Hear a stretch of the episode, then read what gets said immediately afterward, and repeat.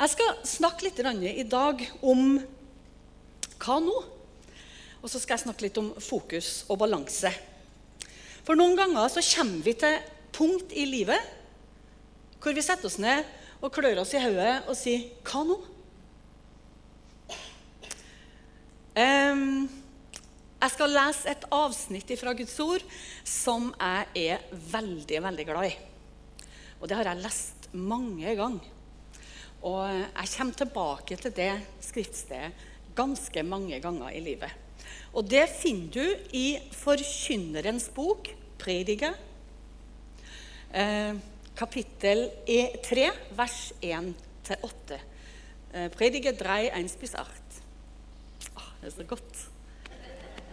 Ikke for å skryte, men det er ganske bra, for å si det sånn.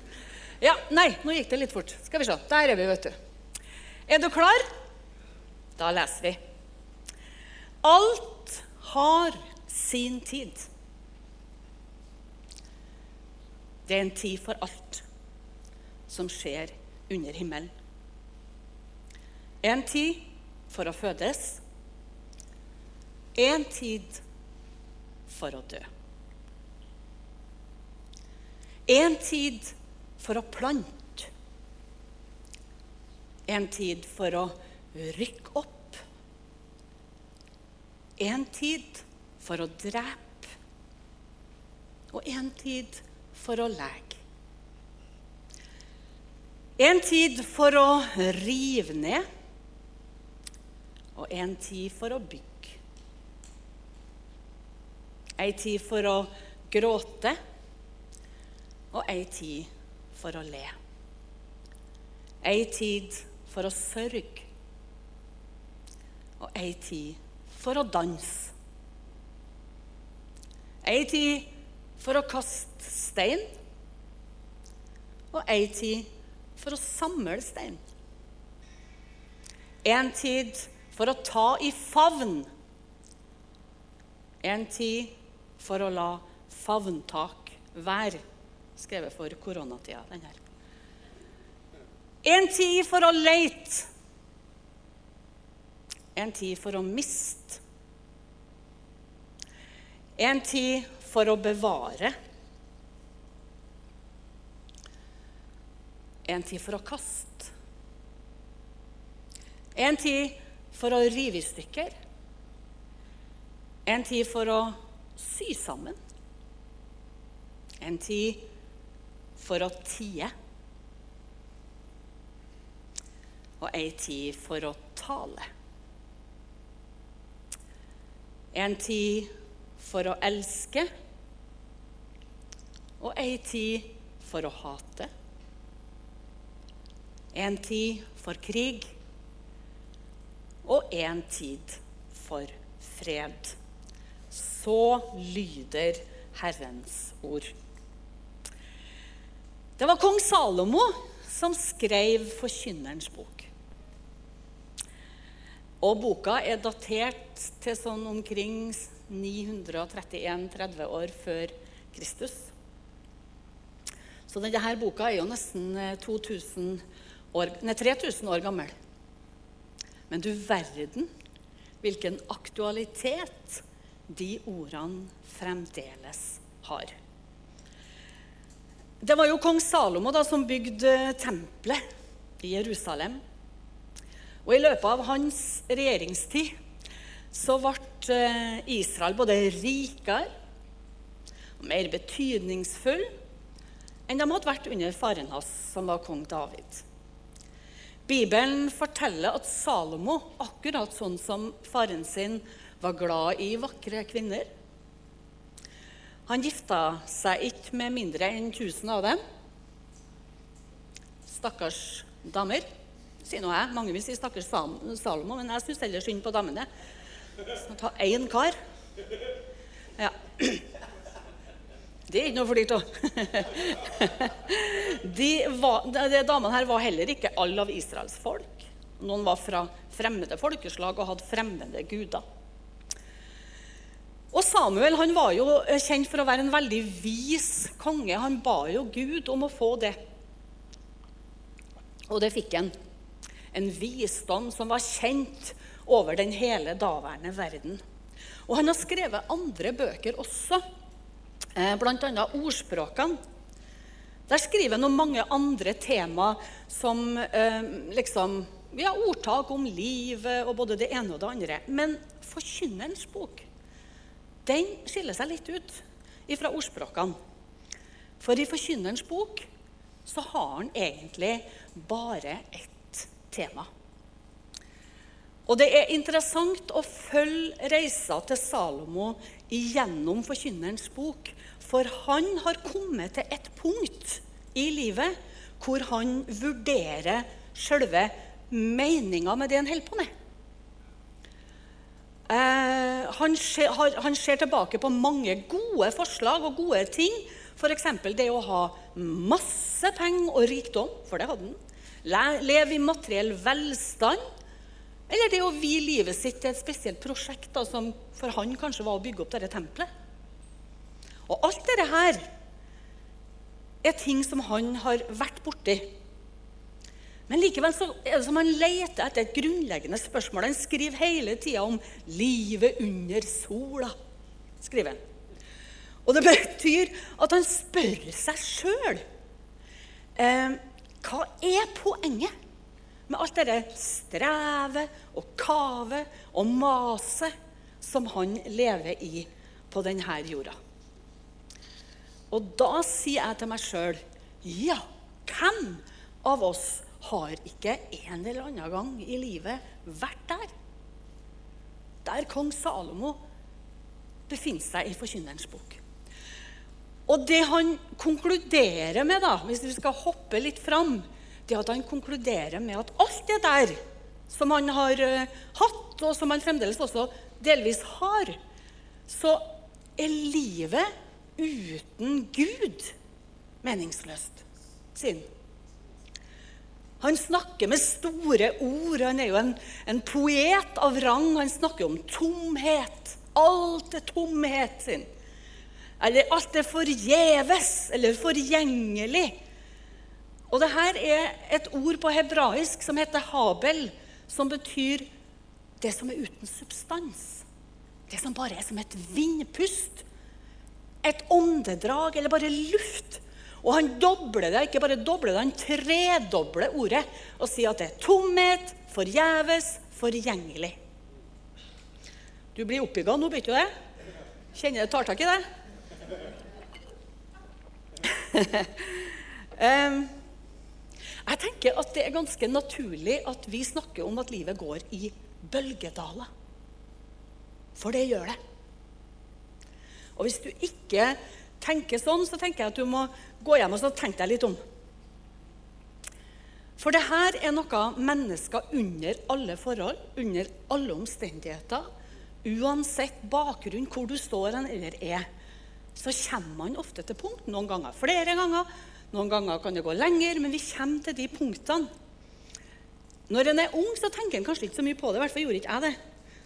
Da var det liksom bare raka veien. Nå kjører vi på. Og det er fint, det. Det hører med.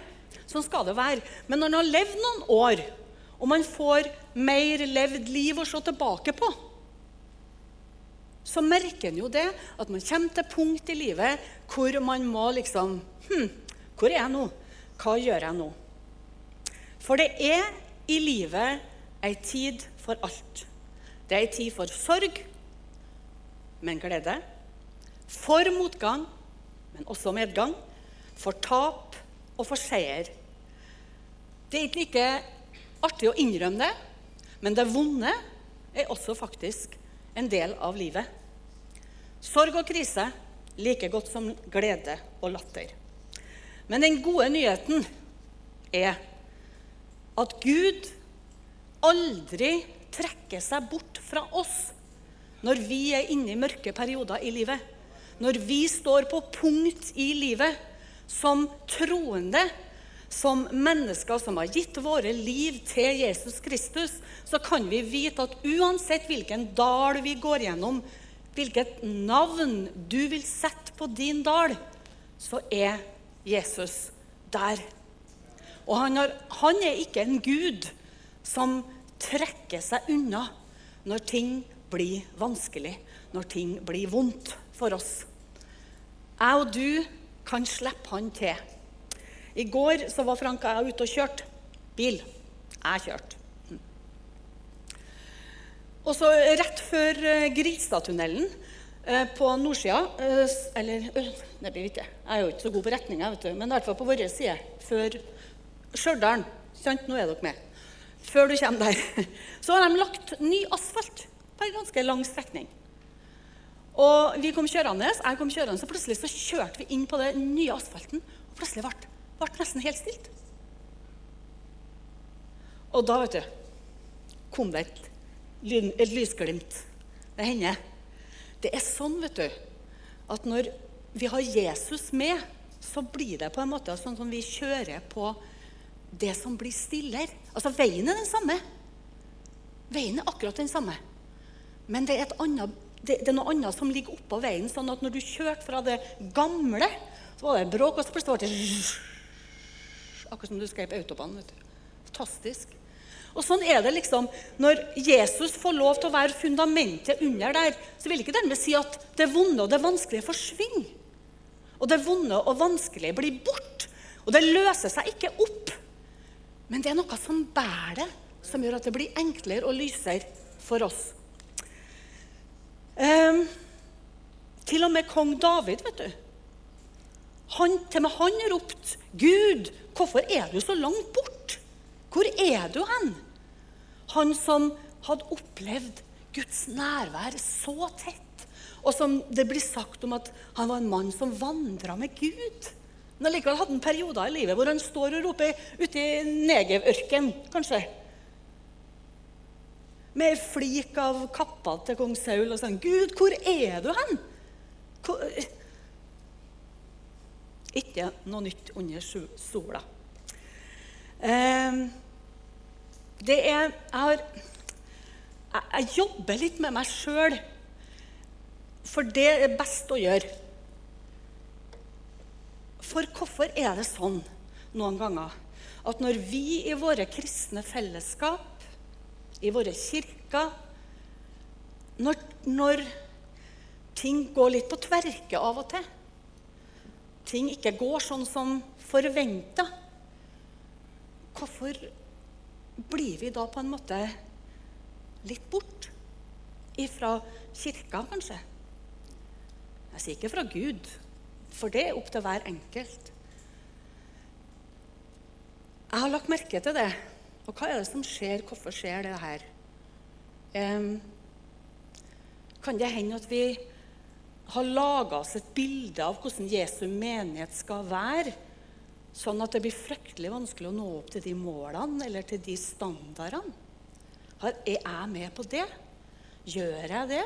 Bevisst eller ubevisst? Jeg tenker jeg må gå i meg sjøl, og så må jeg la Jesus få lov til å jobbe med meg, sånn at vi kan etablere trygge kirker hvor det er godt å komme også når livet går rett vest.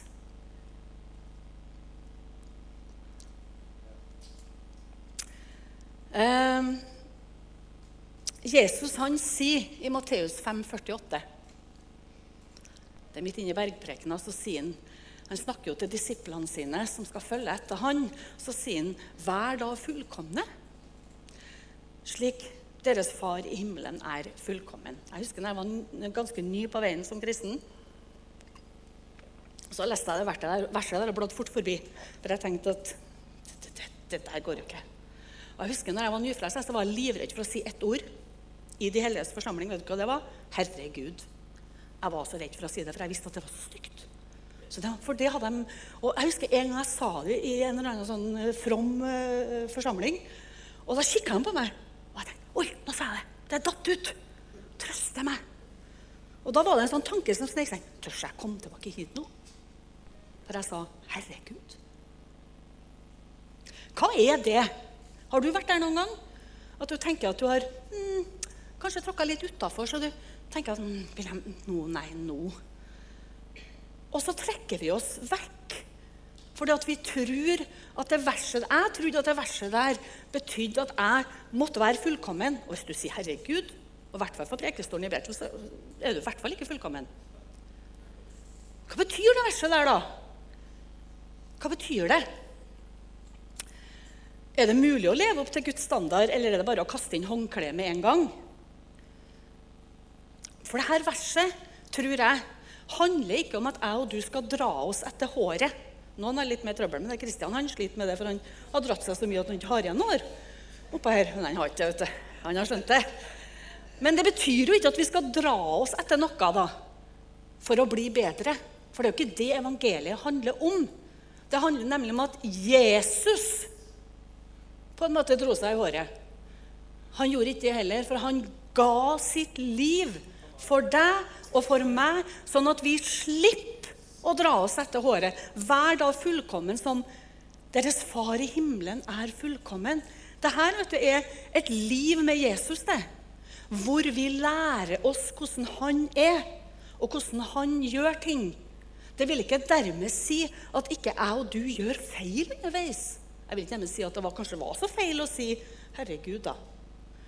Men det har jo vært andre ting som har skjedd for vi tror jo på et forvandla liv når Jesus kommer på innsida. Det tror vi på. Dette er ikke noe elendighetsforkynnelse. Men det er en sannhetsforkynnelse at vi, vi får et nytt liv. Og det livet i oss, det vokser fram, og det vil gjøre det som Jesus vil. Men noen ganger så vil jeg noe annet enn det Jesus vil. Har du lagt merke til jeg vet ikke, Noen av dere har kanskje vært gift noen år. Det har vi. Vi har, snart, vi har vært gift i 33 år, og jeg har funnet ut at når vi krangler, så er det sånne idiotiske ting. Det er altså så dumme ting man kan finne på å krangle om. Ja. Og en sånn gjenganger er bilkjøring. Jeg har holdt på i 33 år for å prøve å oppdra Nå har jeg begynt å kjøre sjøl. Livet blir enklere, folkens. Livet blir forvandla, ja. Men det blir ikke perfekt, for hva er perfekt, da? Og kanskje er det en hensikt med det der. Dessverre så har nok vi kristne et rykte på oss at vi skal framstå som perfekte mennesker. Jeg vet ikke hvem som har laga det, eller hvor det kommer fra. Det kan hende at vi har vært veldig medhjelpelige til at det ryktet har fått bein å gå på. For det kan enten gi en sånn følelse av mindreverdighet hos dem som opplever seg langt fra perfekt sjøl, eller følelsen av bitterhet. da. Kanskje hos dem som gjennomskuer at det her stemmer jo ikke. Her stemmer mitt boka med livet. Hva er det her for noe? I ingen av disse tilfellene så vil jo det kristne fellesskapet virke særlig attraktivt. For det er ikke meninga at menigheten eller kirka skal være for perfekte mennesker. Men trenger jeg og du, da snakker jeg til meg, så kan jo du ta det til deg hvis du tenker at det kan være noe til deg, at vi bør ta et oppgjør med denne fasadekristendommen i fellesskapene våre. For jeg tror nemlig at Matteus 5,48 skal leses mer som et evangelium som du kan ta imot av nåde, enn en lov som sier 'nå må du skjerpe deg'. Denne prekena handler ikke om å gi deg og meg dårlig samvittighet. Det handler om at jeg tror at Gud vil skape en lengsel i oss til å fokusere inn, til å skjerpe inn det som er viktigst i livet. En av de viktigste verdiene vi har verdier i Betel, er troverdighet. Troverdighet. Hva er det? Jo, Troverdighet er bl.a. å være pålitelig og det å være ærlig. Troverdighet handler om å være tro mot Guds ord.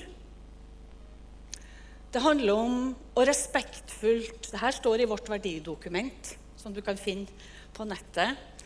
Respektfull forvaltning av ressursene. Og det betyr også ups, tenk om dette, at vi er villige til å innrømme feil og begrensninger. Hvordan er det med meg der? Og der har jeg hatt en lang vei å gå. altså. For min bakgrunn var ikke sånn.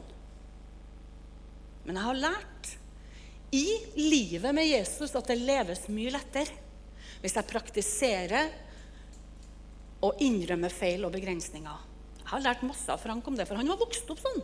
Det var ikke jeg. Og det var mange krasjer, skal jeg fortelle dere. Men livet leves lettere. Fokus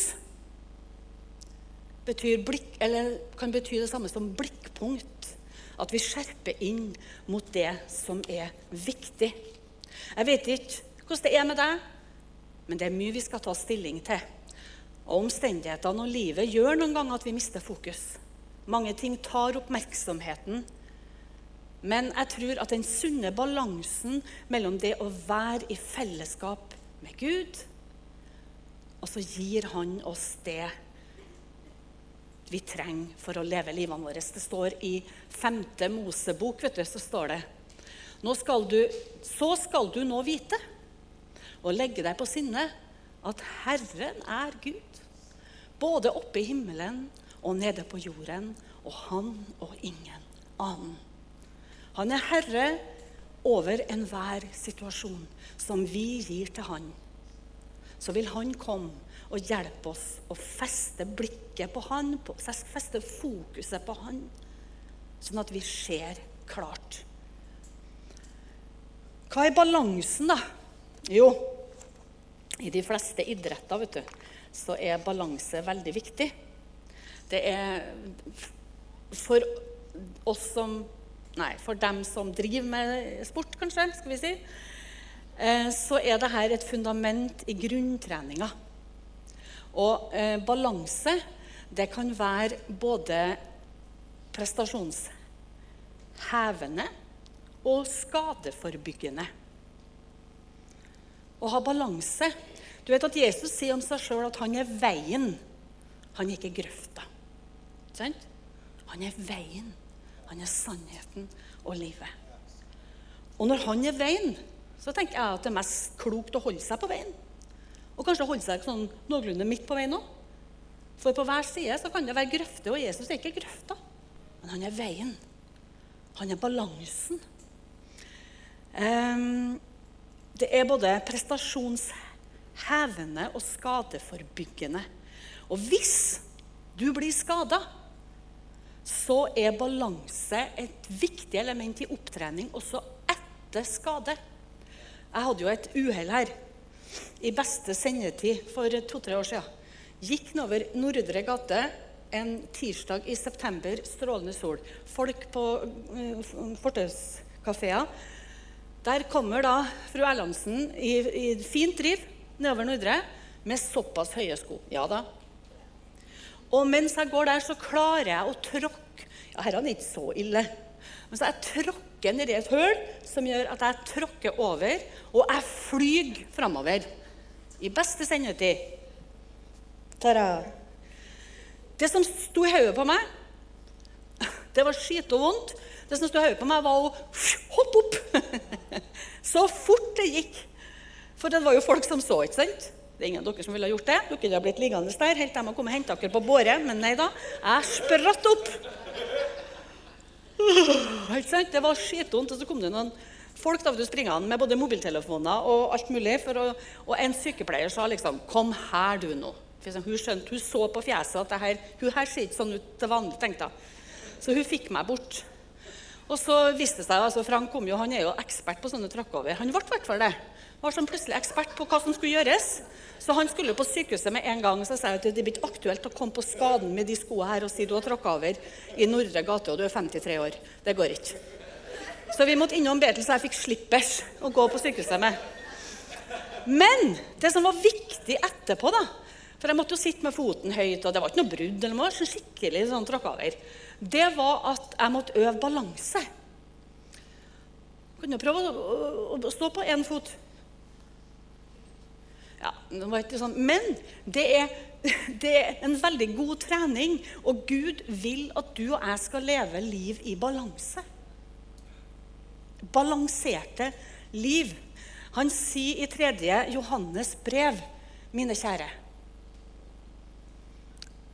Mine kjære, sier Johannes. Først og fremst ønsker jeg at du skal få være frisk og ha det godt. Det er ikke verre enn det. Gud ønsker at du skal være frisk og ha det godt. Like godt som du har det åndelig. Han ønsker at livene våre skal være i balanse i utfordrende tider som vi nå lever i. Jeg har fulgt med saken om Petter Northug denne uka her. Sak som gjør meg veldig trist og lei meg. Men samtidig så skjønner jeg at presset på han har vært stort. Og vi har ingen grunn til å dømme noen. Det er så godt vet du, vi slipper det der. Å holde på å dømme noen. Men vi kan få lov til å tenke på våre egne liv. Så kan vi få be for og med hverandre. Det står også i Bibelen om å dele byrden. Og Noen ganger så tror vi at vi kanskje er alene i verden om å ha det akkurat sånn, men det er vi ikke. La fellesskapet få lov til å være med. La fellesskapet få lov til å være med. Det må ikke bli sånn heller i disse koronatider. Det er fint med online-gudstjenester, vi er takknemlige for det. Men det er ingenting som kan oppveie de helliges forsamling. Å se dere, vet du. Å se hverandre. Det er greit å sitte i sofaen i bare bokseren og kaffekoppen. Det blir ikke vet du. Bare innrøm det. altså Hvis du ser på hun eller han ved sida av deg, så er de finere når vi sitter her, enn å bare sitte i den slappe bokseren. Det er bedre med de helliges forsamling. Det er noen som, seg, noen som fikk veldig levende bilder foran seg nå. Jeg ser det her. Åh, hvis vi hadde fått sett alle bildene som flagrer her nå, så har vi gått hjem. For å be om hjelp. For å be om hjelp, det er ikke noe tegn på svakhet. Det er tegn på modenhet. Vi skal ikke dreve med sjelelig striptease, at vi skal være utleverende, men vi skal ha noen. Og fellesskapet vårt skal være legende, skal være helende. Fordi at han som er legenes lege, han som er herrenes herre, han, han er det. Så hva nå, da? Det er tid for alt. Amen.